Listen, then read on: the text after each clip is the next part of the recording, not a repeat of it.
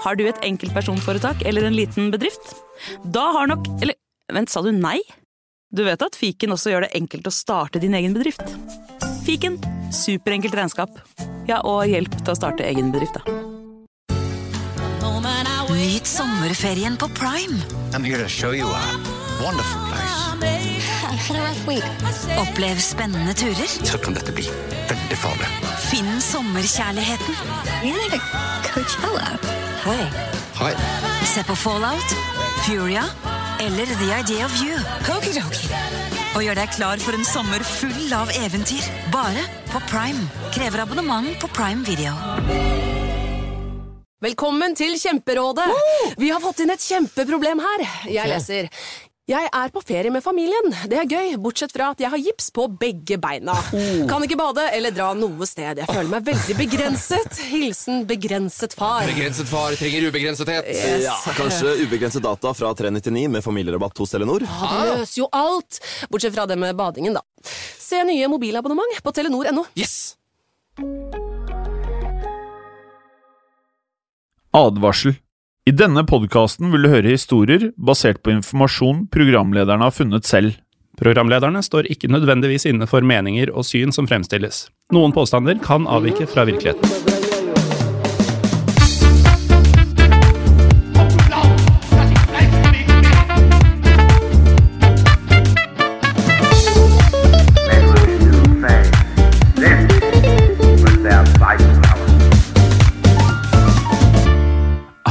Velkommen til en eh, helt ny episode av Historiepodden andre verdenskrig. Mitt navn er lite sjokkerende Jim Fosheim. Og mitt er eh, Morten eh, Galaasen. Og har det noen gang hendt, Jim, at en episode bare har vært ny og ikke helt ny? Eh, Svaret er nei. Svaret er vel nei, Mm. eh, faktisk. Alle nye episoder er jo helt nye. Så det var egentlig smør på flesk. Ja. Helt riktig. Eh, Morten, i dag så um, har vi en episode om en uh, fyr som eh, vi valgte ettersom forrige episode av Historiepodden andre verdenskrig var om en uh, veldig viktig historisk person. Spesielt det at han reddet masse, masse, masse, masse menneskeliv. Så har vi en Er det lov å kalle ekvivalent av eh, Schindler i et annet land? Ja, det blir jo på en måte en slags oppfølger der eh, ingen av personene hadde noe med hverandre å gjøre, men eh, gjorde ganske lignende ting. Ja, for navnet Schindler er på mange måter blitt et begrep for en person som da brukte en makt for å da redde jøder under holocaust. Og i dag skal vi se på en annen person som gjorde noe av det samme. Ja, Så Oskar Schindler var ikke den eneste Schindleren, på en måte. Nei. Eh, Det fins flere eksempler på personer som valgte å risikere sin egen stilling for å hjelpe jøder.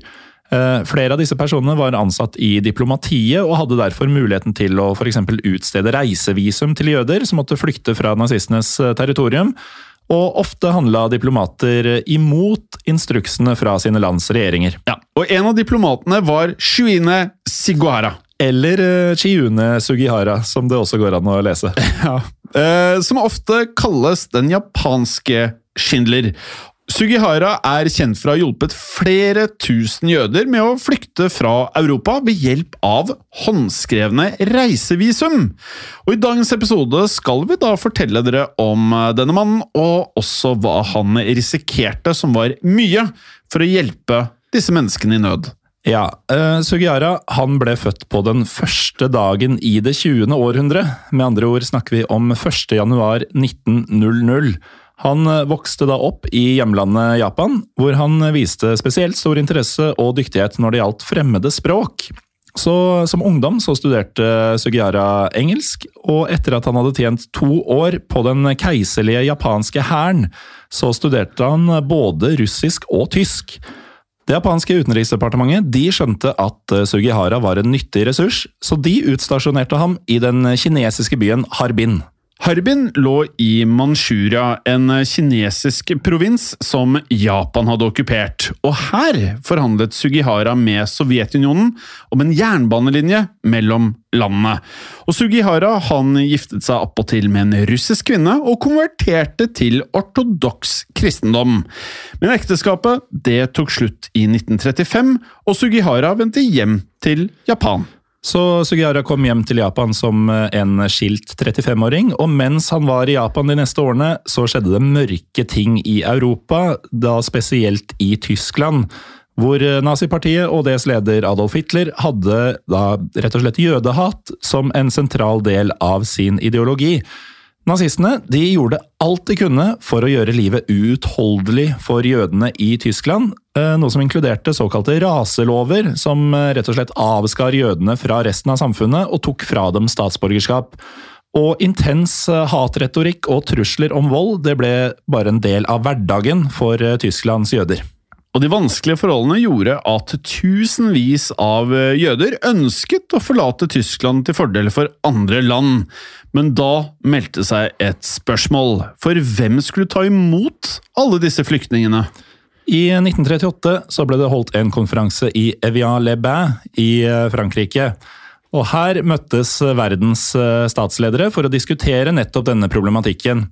USA de var blant landene som ikke ønska å ta imot flyktninger, men president Theodore Roosevelt han prøvde likevel å få andre land til å ta støyten.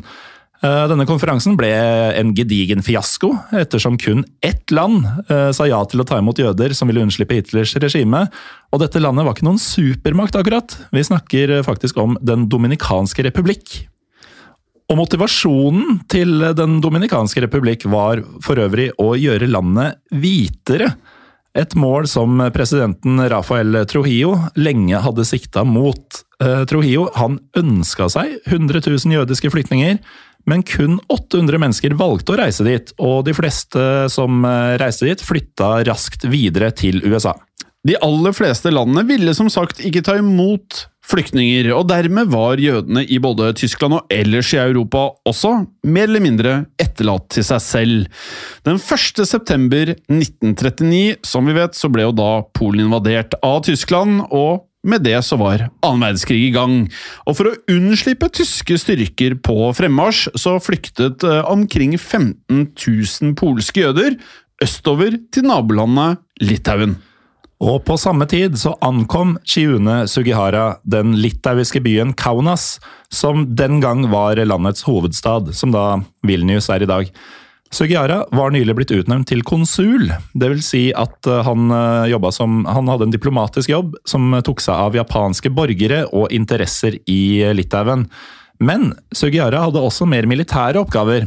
Han skulle nemlig rapportere hjem om tyske troppeforflytninger, ettersom man antok at tyskerne ville forsøke seg på en invasjon av Sovjetunionen.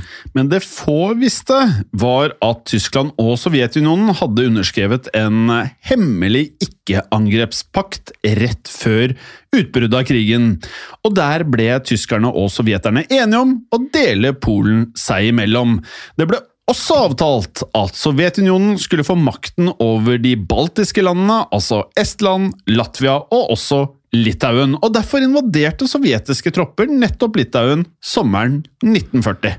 Og på dette tidspunktet så hadde det som sagt samla seg 15 000 polske jøder i Litauen, i tillegg til at det allerede bodde 160 000 jøder i Litauen, og i de store byene var nesten halvparten av befolkninga jødisk. Det var stor frykt blant jødene, både pga. tyskernes framferd fra vest, men også russernes invasjon fra øst.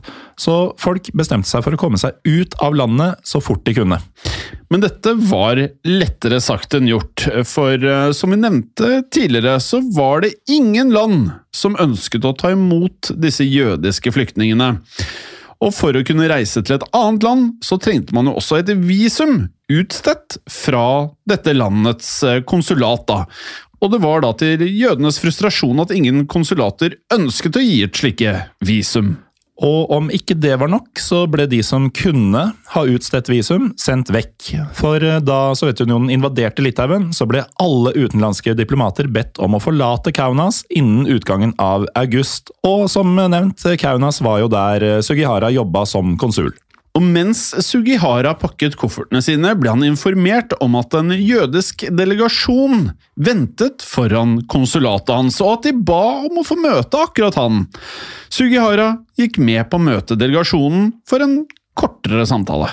Ja, og denne jødiske delegasjonen fortalte at en nederlandsk forretningsmann, Jan Zwartendijk, hadde skrevet ut eh, 2345 utreisevisum til jøder som trengte hjelp. For det var nemlig slik at eh, Curaçao, eh, en nederlandsk koloni i Karibien, ikke krevde innreisevisum, og det gjorde det jo mulig for jødene å forlate Litauen til fordel for Curaçao. Men denne fluktruta var nå blitt stengt. Alle skipsreiser vestover var nemlig blitt blokkert pga. krigens eh, stadig økende omfang. Og med det var jødene kommet til det japanske konsulatet for å be en desperat bønn. De tryglet til Sugihara om at han skulle utstede såkalte transittvisum. Og dette var i utgangspunktet et visum som kunne gi jødene tillatelse til å reise via Japan til et trygt tredjeland. Med disse transittvisumene så ville jo da jødene kunne få tillatelse til å krysse Sovjetunionen med tog da for å komme seg videre til Japan. Ja, og Dette var jo en mildt sagt uh, uvanlig situasjon, og Sugihara mangla klare instrukser fra regjeringa si i Tokyo om hva han skulle gjøre med dette her. Men Sugihara var jo en uh, pliktoppfyllende mann, så han kontakta Utenriksdepartementet tre ganger for å få råd. Og alle gangene så svarte departementet at alle som fikk innvilga visum, måtte ha visum til en tredje destinasjon for å forlate Japan, uten unntak. Ja, og de ca.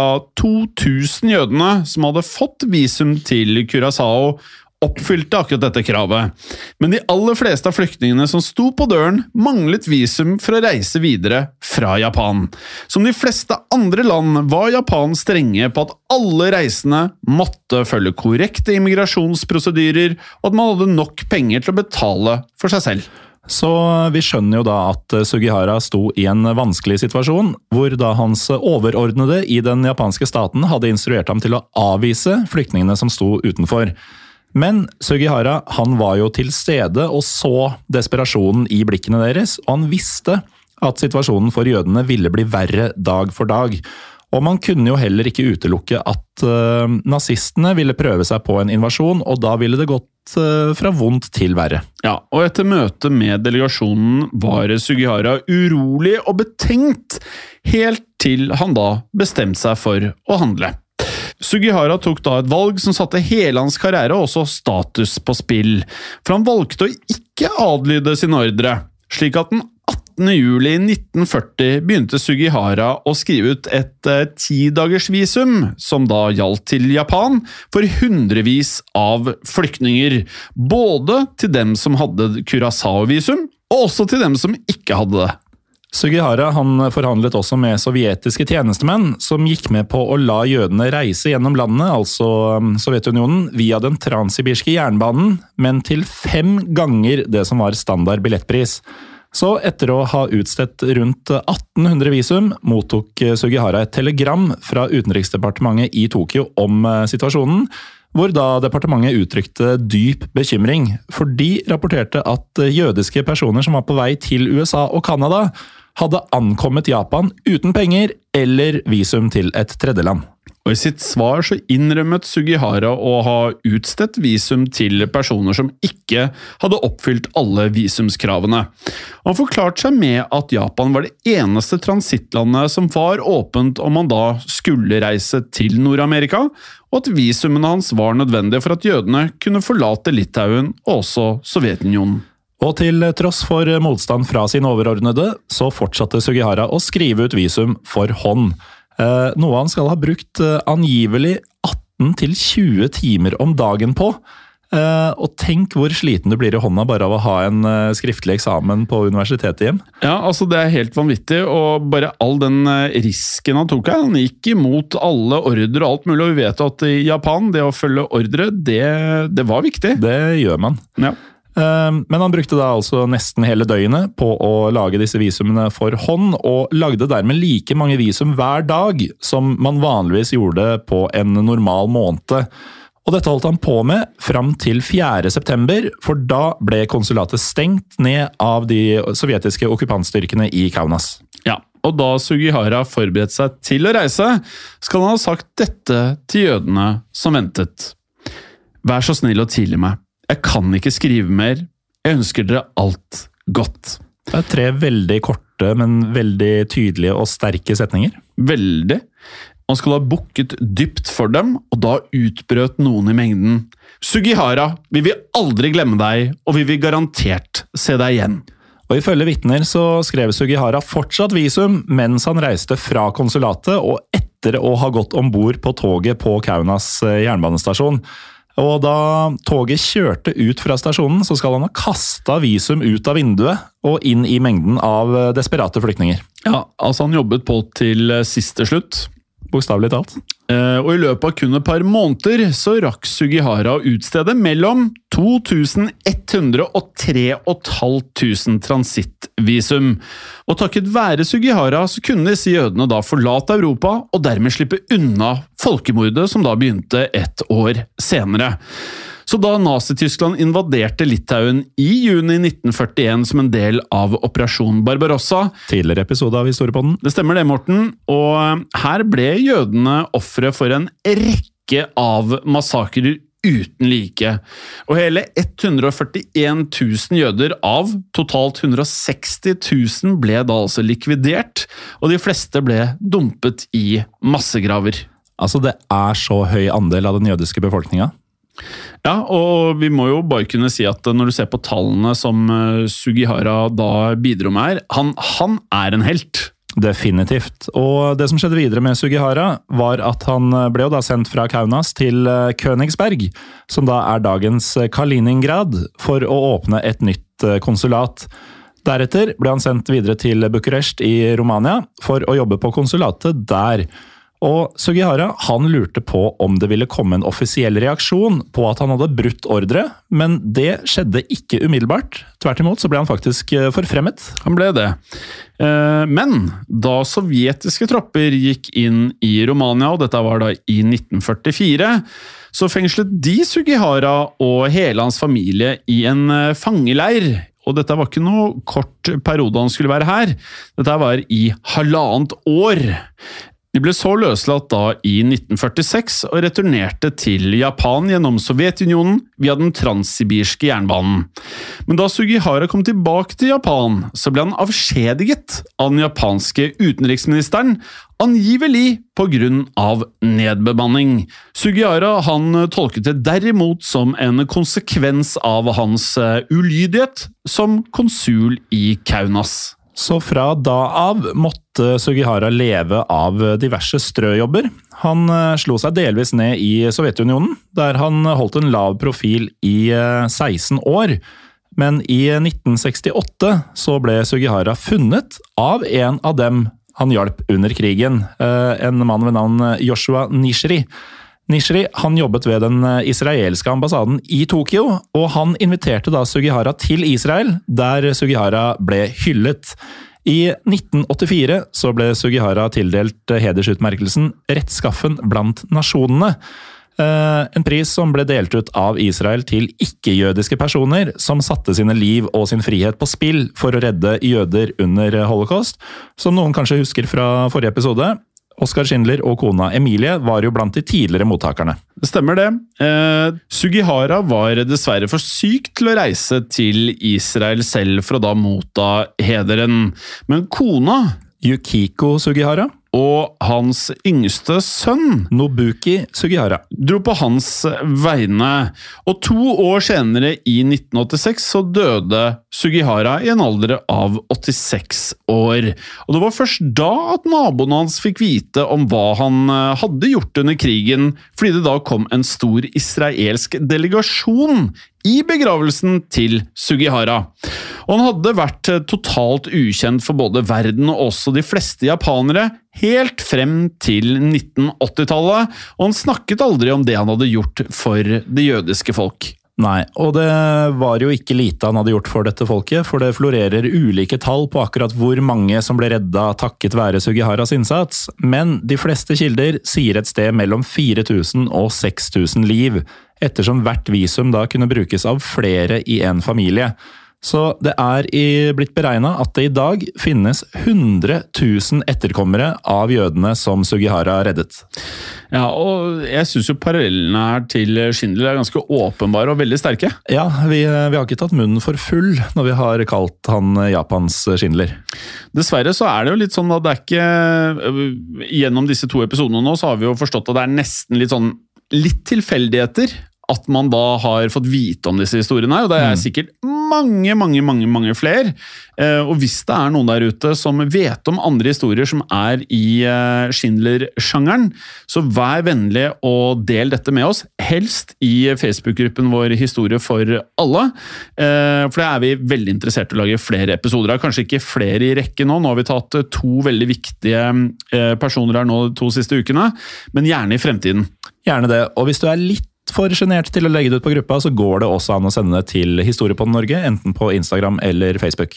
Ja, og eh, som folk vet, jeg styrer Instagrammen, og du Morten styrer Facebooken, og vi har vel forstått at du er noe skarpere på å svare disse DM-ene enn hva jeg er. Jeg er visstnok det, men det sier nok mer om deg, for jeg er ofte litt på etterskudd eh, Ja. der også. Men alle blir svart på. Ja, Men det er ganske mange henvendelser, og det er derfor vi syns at denne Historie for alle-gruppen funker så bra. da. Ehm, men det er jo mange som ønsker å skrive rett til oss, og det er fullt forståelig og helt greit. Men hvis dere har anledning, del det gjerne med alle de andre i gruppen. Mm, Da kan man få flere innspill og kjappere innspill fra, fra flere mennesker, rett og slett. Eh, og med det så ønsker vi å takke dere alle for at dere hørte på disse to episodene. fordi på, de er jo på sett og vis eh, litt Det kunne vært del én og del to, Ja. men de er jo to helt enkeltstående, selvfølgelig. Det er to enkeltstående episoder som føles litt som en liten serie. Ja, og dessverre så har vi ikke Det er mer info om Oskar Schindler enn det er om Shiune Sugihara, men eh, dette er i hvert fall en heder til han og det viktige arbeidet som han gjorde. Det er det definitivt. Og Jim, eh, dette som Shiune Sugihara gjorde, det har skjedd. Og det kan skje igjen. Ha det. Ha det bra. Historiepodden ønsker å takke følgende. Dere som hjelper oss som sitter i produksjonen.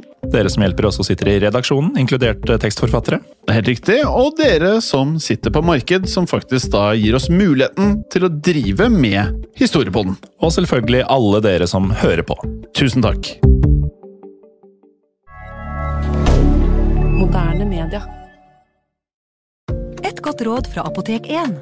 For noen pollenallergikere er sesongen allerede i gang, og mange vil kjenne på nysing, rennende nese og kløende øyne. Er du plaget av allergi, har Apotek 1 tabletter, nesesprayer og øyedråper som kan hjelpe. Skyll øyne og nese med saltvann regelmessig, og skal du ha vinduet åpent, bør du dekke det med et pollenett. Kom innom og få råd på ditt nærmeste Apotek 1, eller chat med oss på apotek1.no. Apotek 1 vår kunnskap, din trygghet.